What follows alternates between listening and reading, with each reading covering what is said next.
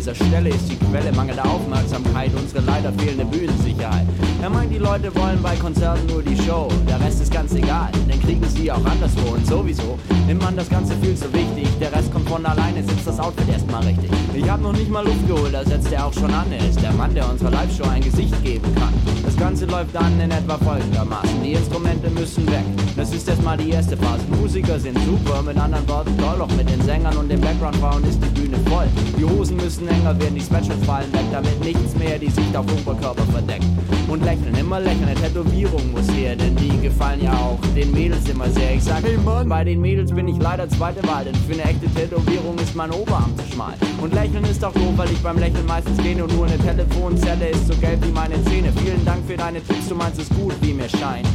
Doch das Gegenteil von gut ist gut gemeint.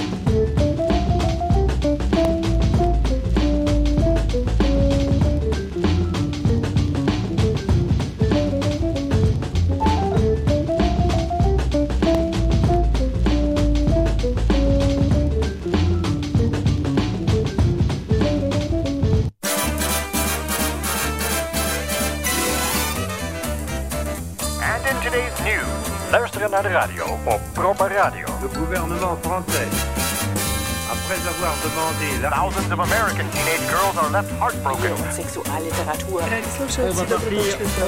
The Army Air Forces has announced that a flying disc has been found and is now in the possession of the Army. Looks like a penguin. Luisteren naar de radio. Op Proper Radio luisteren we naar fragmenten uit het roemrijke verleden van de radio. There's a half mile. Otherwise, traffic's moving pretty freely into London this morning. It's 8:33, 10 degrees, and a nice mild day to start the week. In Luisteren naar de radio luisteren we naar een fragment uit het hoorspel Weekend van Walter Roetman. Waarin je toch heel behoorlijk kunt horen dat de Duitsers die hele avant-garde 90 jaar geleden al in hun achterzak hadden zitten. Luister zo maar.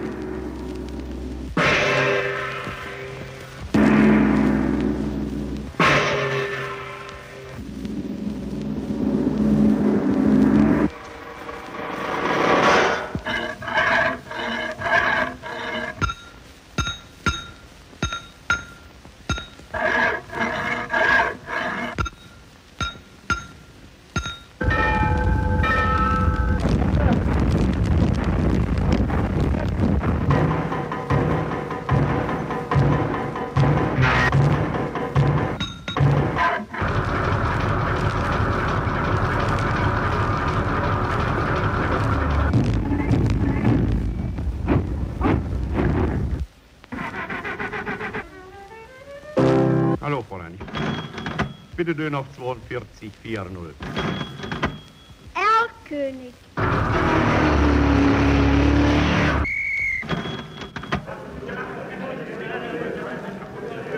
Ich verbitte mir das! Bitte. Wer reitet so spät durch Nacht und Wind? Es ist der Fräulein, Sie haben mich ja falsch verbunden. Döner auf 42. Vier. 4 mal 4 ist Vierter Stock, Spielwaren, Schuhwarenladen, Lebensmittelabteilung.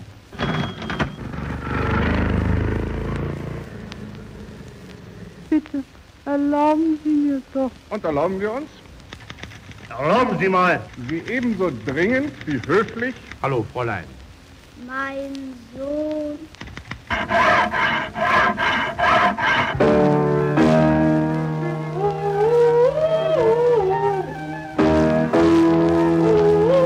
Aber Fräulein. putting your body on the line here. So, tuning in now to the feet. You might try lifting them up towards the ears, and when you feel comfortable with it, allowing your eyes to close gently in your mind's eye, your being merges with the garbage, becomes one with it, so that all your energies in this moment are held in awareness by the smells and remembering that there is no one right way to doing the dishes. And let go completely of the question of time when this happens. As an experiment, See if you can float on a rubber raft into a big pot of boredom, letting it all cook in your mind's eye, where it cooks all by itself, stirring it perhaps every once in a while. Is that okay with you?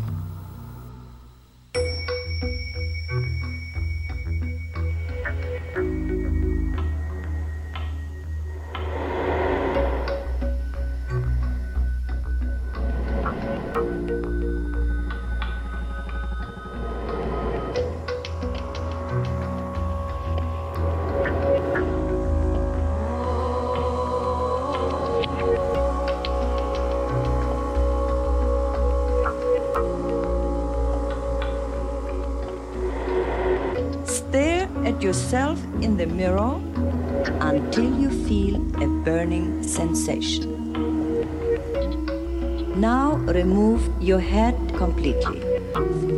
Your head is floating in the air. With your left brain, close your eyes, stick out your tongue to the universe, and imagine your own peculiar vibration. Deeper, deeper,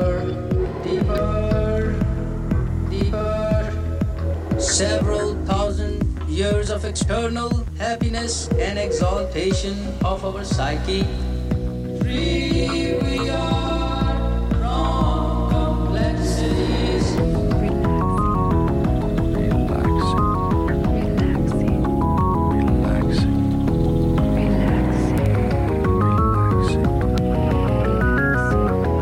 As we go down the elevator, as you continue to listen to the sound of my voice, number three, as you drink this water, day after day after day, number two, don't allow your eyes to move away from the spot for a moment. That's it. Number one. Your eyes remove themselves from your body for your own good. Your mind will become a sponge. You are a masterpiece. You're a work of art. You are becoming, beyond any shadow of a doubt, Blue Rose. Blue Rose.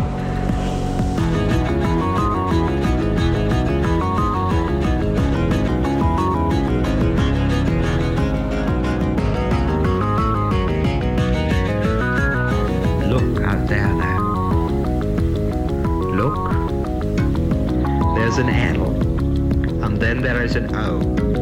And then there is a V. And then there is an E. A box of love in the matter of your mind. Keep the lid on it. Now this becomes your reality.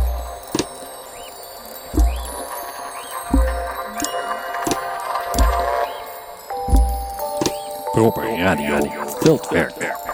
Reportages ergens op locatie.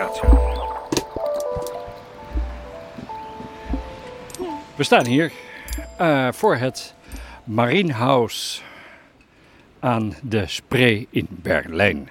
Ehm zo gezegd, dit is Proper Radio van, eh van Marienhaus in Berlijn. Willkommen. Heb je er verder nog wat aan toe te voegen? Eh, echt niks. Als je het niet meer weet, moet je altijd gewoon het uitzicht beschrijven. Zo zie ik hier. Dat is Markisches Museum, Berlin-Zuid, Geschichte Compact. Dat is nou eens handig. De geschiedenis in één kerk vervat. Zo Ehm, moet dat ook. Zo moet dat. Meer heb je niet nodig. Zoals eh, bij het toneelstuk dat wij van de week zagen, ze ook zeiden: ehm, je moet je karakter in 1, 2, 3 zinnen kunnen samenvatten. En als je dat niet kunt, dan heb je je rol eigenlijk nog niet onder de knie. En als je nou jouw rol in 2, 3 zinnen eh, zou willen vervatten, VLAP, Master of Arts, Martial of Arts, wat is dan jouw rol? Nou, ik denk, allereerst ben ik natuurlijk comic relief, maar dan niet geslaagd. Eh, punt 1. En dan, eh, ik denk toch zeuren. Mhm. Ik denk ook een beetje dat je de, de, de kleine bedweter van het station bent. Wat, eh, hoe, voel- hoe voel je je daarbij in die rol? Nou, dat heb ik natuurlijk volledig geaccepteerd. Het voelt heel vertrouwd, begrijp ik. Ja, zeker. ja, zeker. ja, ja, ja.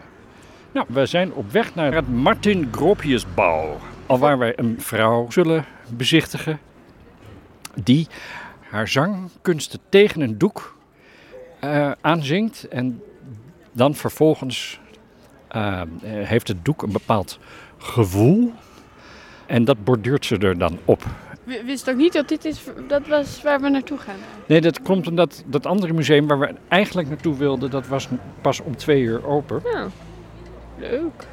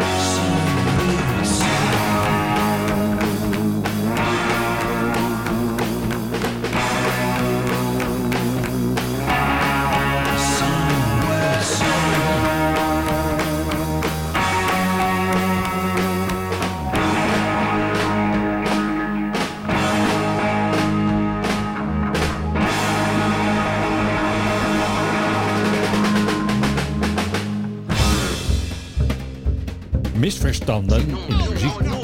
Kan je dat nou zeggen? Fout. Nee, zo is het niet. Onzin. Misverstanden. Het is gewoon niet waar.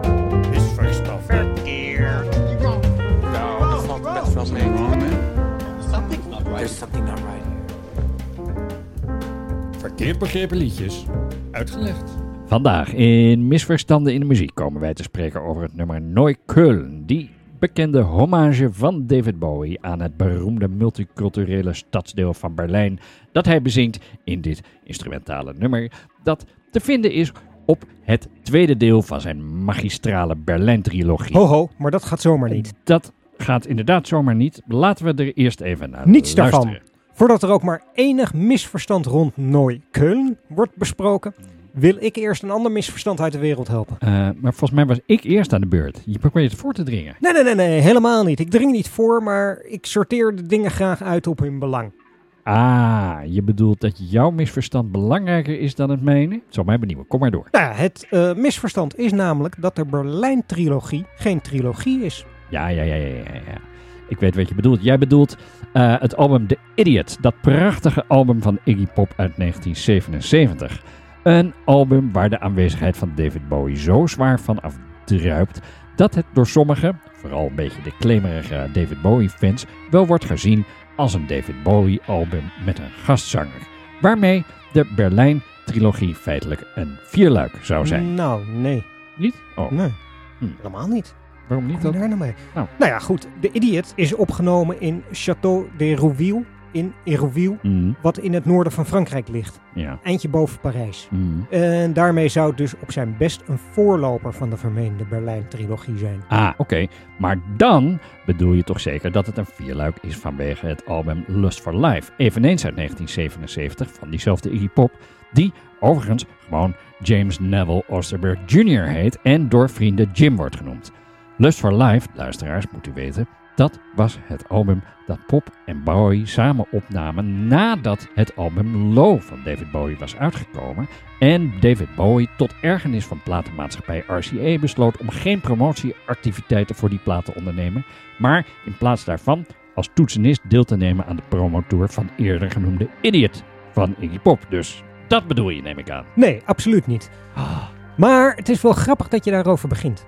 Ja. Want RCA zag dus inderdaad aanvankelijk helemaal niets in Low. Nee. En luisteraars, trekt u zich vooral niet te veel aan van de professor. Want Low werd dus net als de Idiot opgenomen in het Franse Hérouville. Maar er staat dus inderdaad wel degelijk te boek als het vermeende eerste deel van de Berlijn-trilogie. Ja. Nu ik dan toch aan het woord ben en wat ik eigenlijk zeggen wilde. Ja. RCA zag dus helemaal niets in Low. En toen het album af was, weigerde de platenmaatschappij daarom ook het uit te brengen.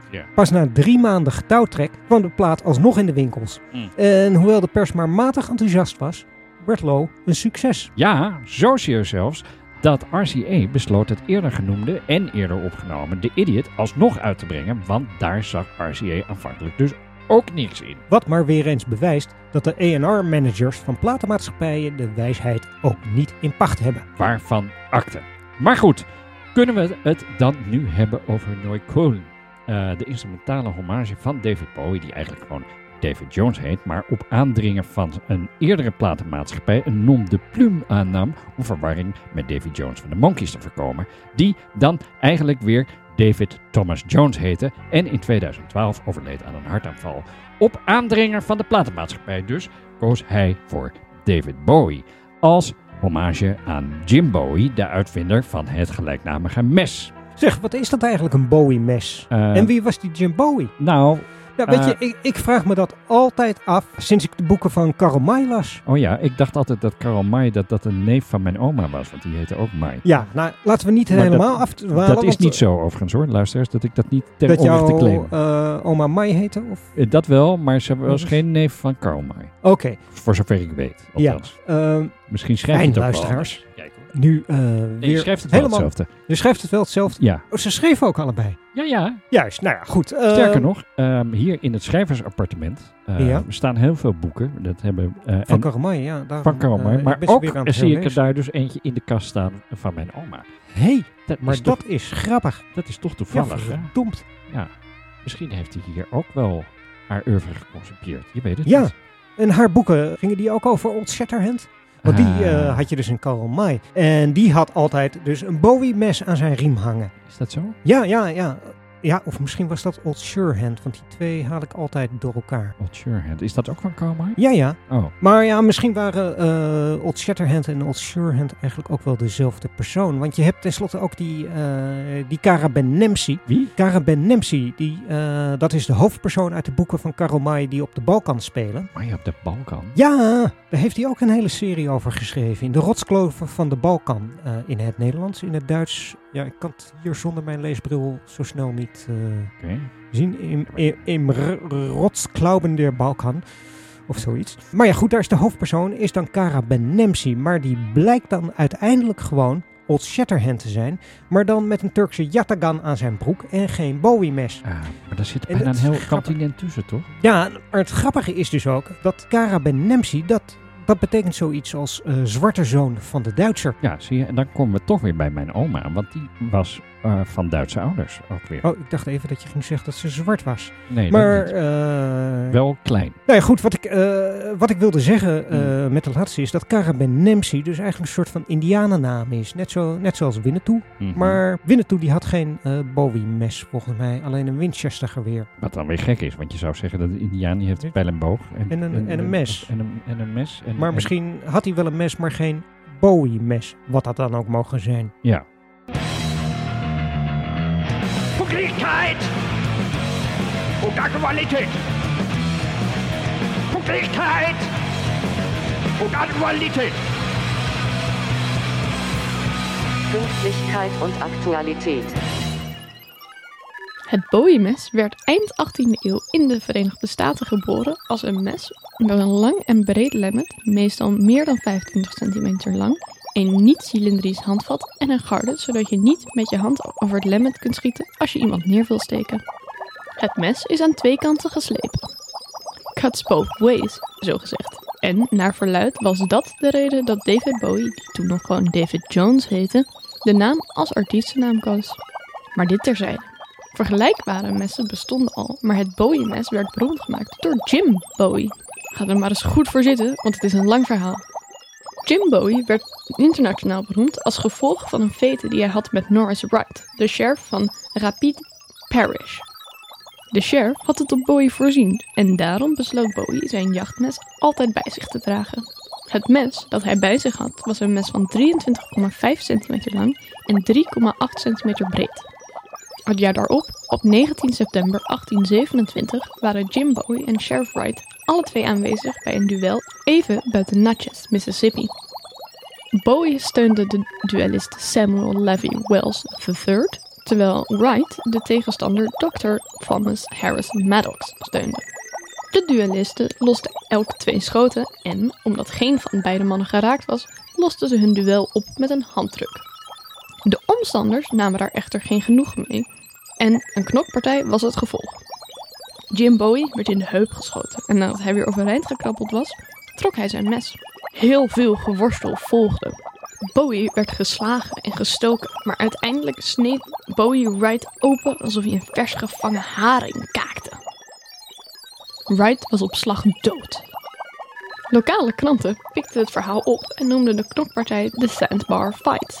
Ze gaven bovendien een gedetailleerde beschrijving van Bowie's vechtkunsten en zijn ongewone mes. Dat mes schijnt overigens door de broer van Jim gemaakt te zijn. En die heette Resin Bowie. Maar dat is niet helemaal zeker en valt dus buiten de scope van deze rubriek. Een mooi verhaal is het wel.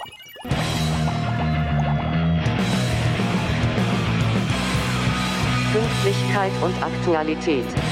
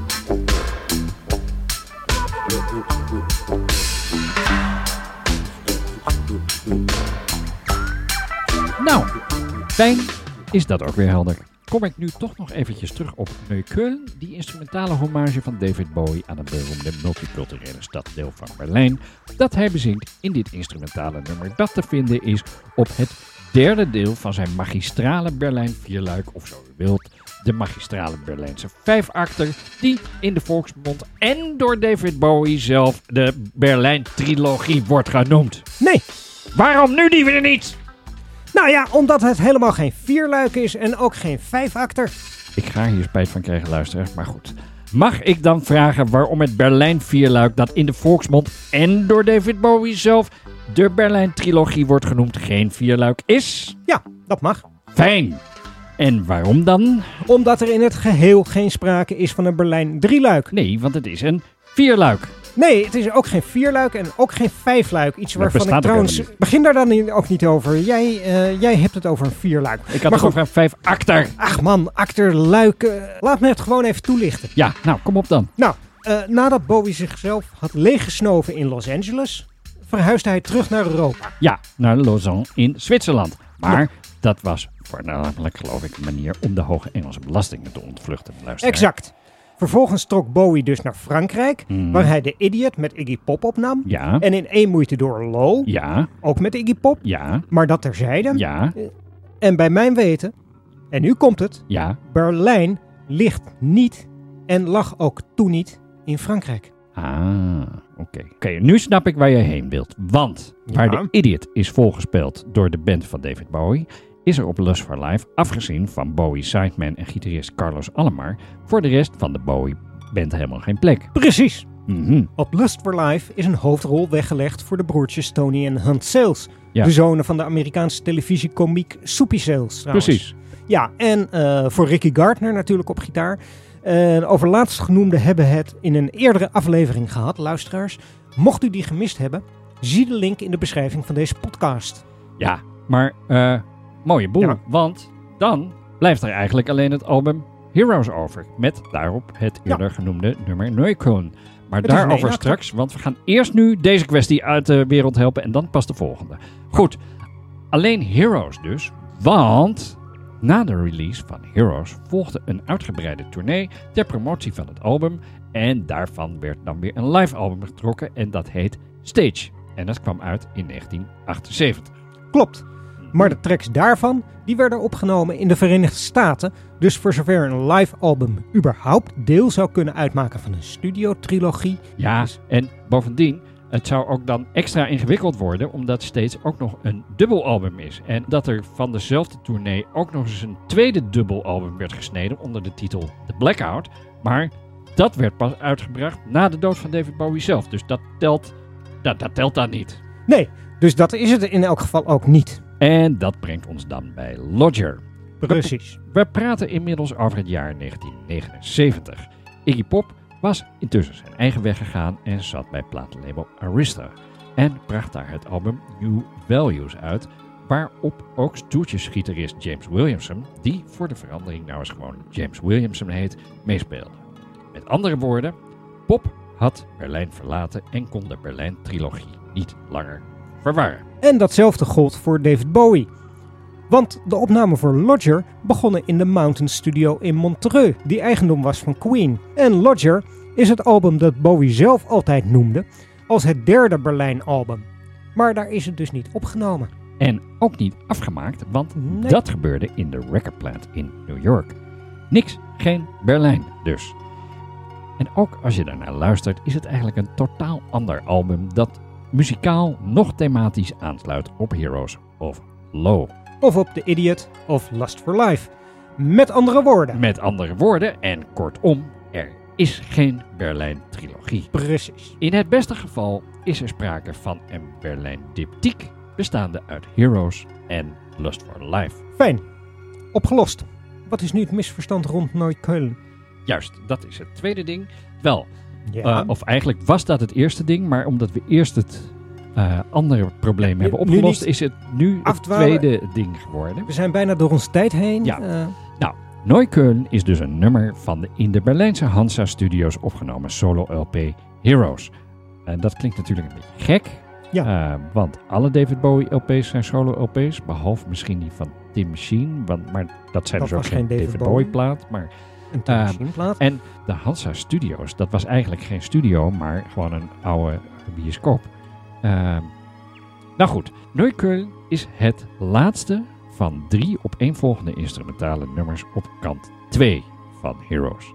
Na Sense of Doubt en Moss Garden. Neukölln is een wijk in Berlijn. En Bowie woonde weliswaar enige tijd in Berlijn, maar niet in Neukölln. Wie wel uit Neukölln kwam, dat is dan weer Christiane F., die we natuurlijk allemaal kennen van haar boek Weer Kinderen van Bahnhof Zoo. En die voor het eerst heroïne gebruikte toen ze bij een Bowie-concert was en Bowie maar It's Too Late bleef zingen, wat haar zo deprimeerde dat ze naar de spuit greep en It's Too Late is dan een stukje tekst van het tweede deel van het nummer Station to Station van het gelijknamige album uit 19 Het misverstand, Emiel. Het misverstand. het misverstand is dat de titel op Heroes verkeerd gespeld is. Want Neukölln schrijf je met dubbel L. That's it. That's it. En de luisteraar moet het daar dan mee doen. Nou. Jij zit hier een half uur door te meieren over de Berlijnse diptieken, triptieken, quintieken, kwartieken. Om dan te eindigen met een, met een spelfout? Nou, niet helemaal. Eh, jij begon over eh, dat het geen trilogie was. En ik wilde alleen dit misverstand eventjes uit de wereld helpen. Zo simpel. was. Juist. Du- dus je vindt het verder niet nodig om de luisteraars te vertellen dat Neukölln met 1L een hommage is aan de Duitse componist Edgar Freuze.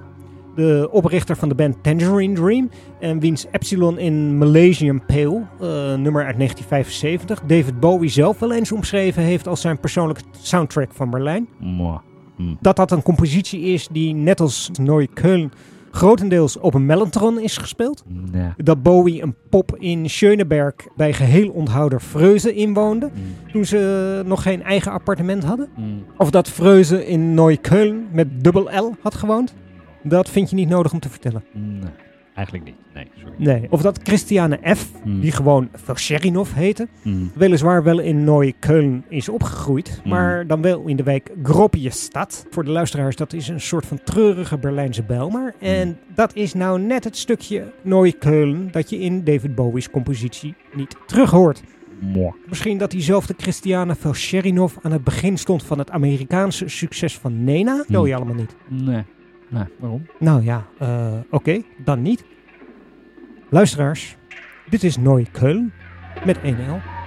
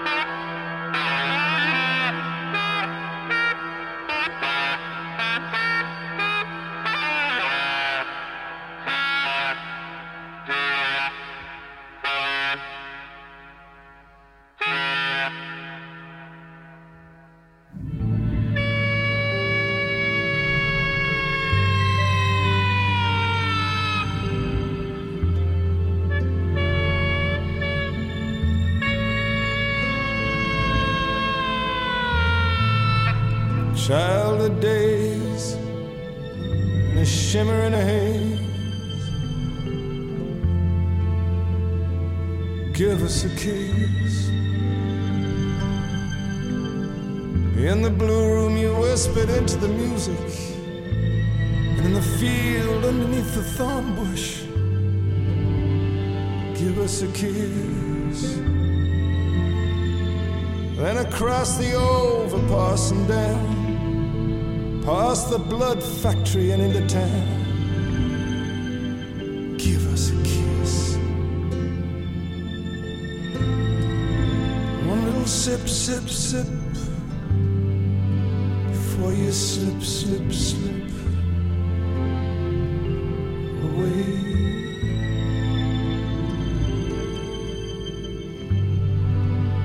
You're still hanging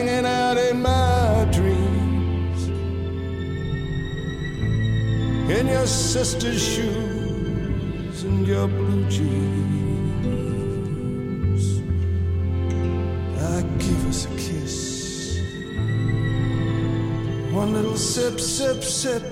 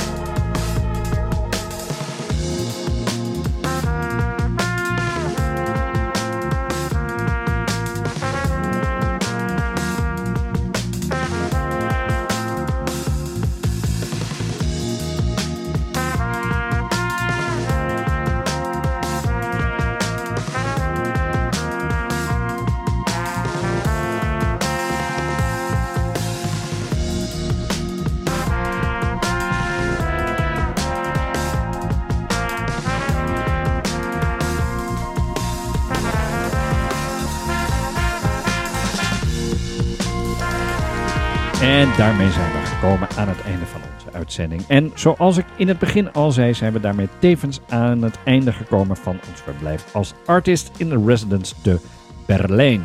Om onze tijd in die smoedeligste hoofdstad der wereld, in de woorden van onze collega's van de Nooit-Deutsche Rundfunk, passend af te sluiten, draaien we als laatste plaat het nummer Berlin van het gelijknamige album van Lou Reed. En daarmee zeggen wij auf Wiedersehen und bis... Zeg, sorry eh, dat ik je zo op het laatste moment nog onderbreek. Maar, maar waarom heet die plaat eigenlijk Berlin? Behalve dat titelnummer heeft hij niks met Berlijn te maken. Nee.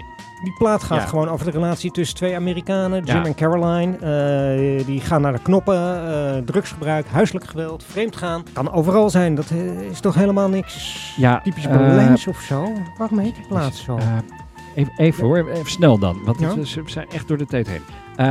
Lou Reed schreef die plaat nadat producer Bob Ezrin tegen hem had gezegd dat Lou Reed's liedjes altijd leuk beginnen, maar eigenlijk nooit een einde hebben. En Lou Reed, zoals eh, Lou Reed is, was natuurlijk weer op zijn pik getrapt en die dacht, ik zou jou krijgen met je einde. Ik schrijf gewoon godverdomme een heel conceptalbum en dan mag jij dat lekker allemaal aan elkaar gaan produceren en dan zorg je maar dat het ergens op lijkt. Je Canadese wasbeer, want Lou die kon behoorlijk xenofoob uit de hoek komen. Ja, nou ja, goed. eh, schreven, Ja. knippen en plakken was het. Nou ja, Chat eh, GPT, dat, dat- echt helemaal niks bij. Hij heeft dat album Berlin. Daarvoor heeft hij allemaal oude liedjes van de Velvet Underground gerecycled. Ja. Het nummer zelf, Berlin, dat stond ook gewoon op zijn eerste soloplaat, eh Lou Reed uit 1972. oh ja. Ja. En ook daarop heeft het verder helemaal niks met Berlijn te maken. Nee. Want die plaat die is opgenomen in Londen. Ja. Met Steve Howe en Rick Wakeman van Yes eh, op gitaar en toetsen. Daar hebben we trouwens ook nog een leuke uitzending over gemaakt. Zie daarvoor ook. Er wordt nog een hele lijst daar in de eh, beschrijving van deze Ja, podcast. moeten wat Maar goed. linkjes... maar ik wil je niet onderbreken, want we waren dus echt al bezig met de afkondiging. En nu zijn we opeens in een heel nieuw segment ge- aangekomen. En ehm, om met de Berlijners te spreken. Ah, Maar dat geht doch niet. Want zometeen staat die vervelende huismeester voor de deur om ons eruit te gooien. Want die is echt, het is al tien over. eh, en we zouden om heel zouden we eruit moeten hebben. En zometeen staat hij dus, eh, die snoerbaard. Weet je wel, je weet weer, die corporaal Himmelstos. En wij zouden geen literatuur zijn. Want, beste luisteraar, Corporaal Himmelstos is natuurlijk niemand anders dan die vervelende onderofficier uit Erich Maria Remarque's meesterwerk in Westen niet Neues. Het boek dat is en niet de film. Juist. Maar goed, ik begrijp je punt. Nou ja, dan stel ik voor dat wij samen met Lou Reed zeggen: It was very nice, it was paradise. Dit is Berlin van het album Lou Reed. Nee, dit was Berlin.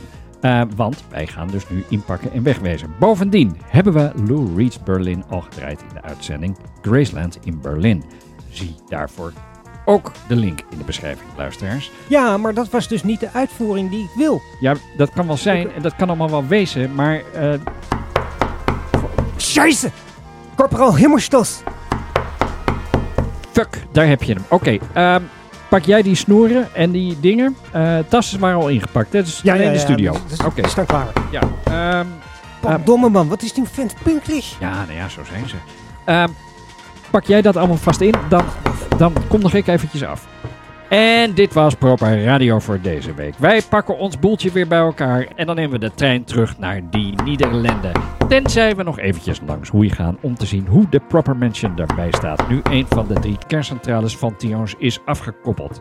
Vergeet vooral niet uw vrienden op ons bestaan te wijzen. En mocht je dat nog niet hebben gedaan, schrijf je dan ook in voor de nieuwsbrief op proper.radio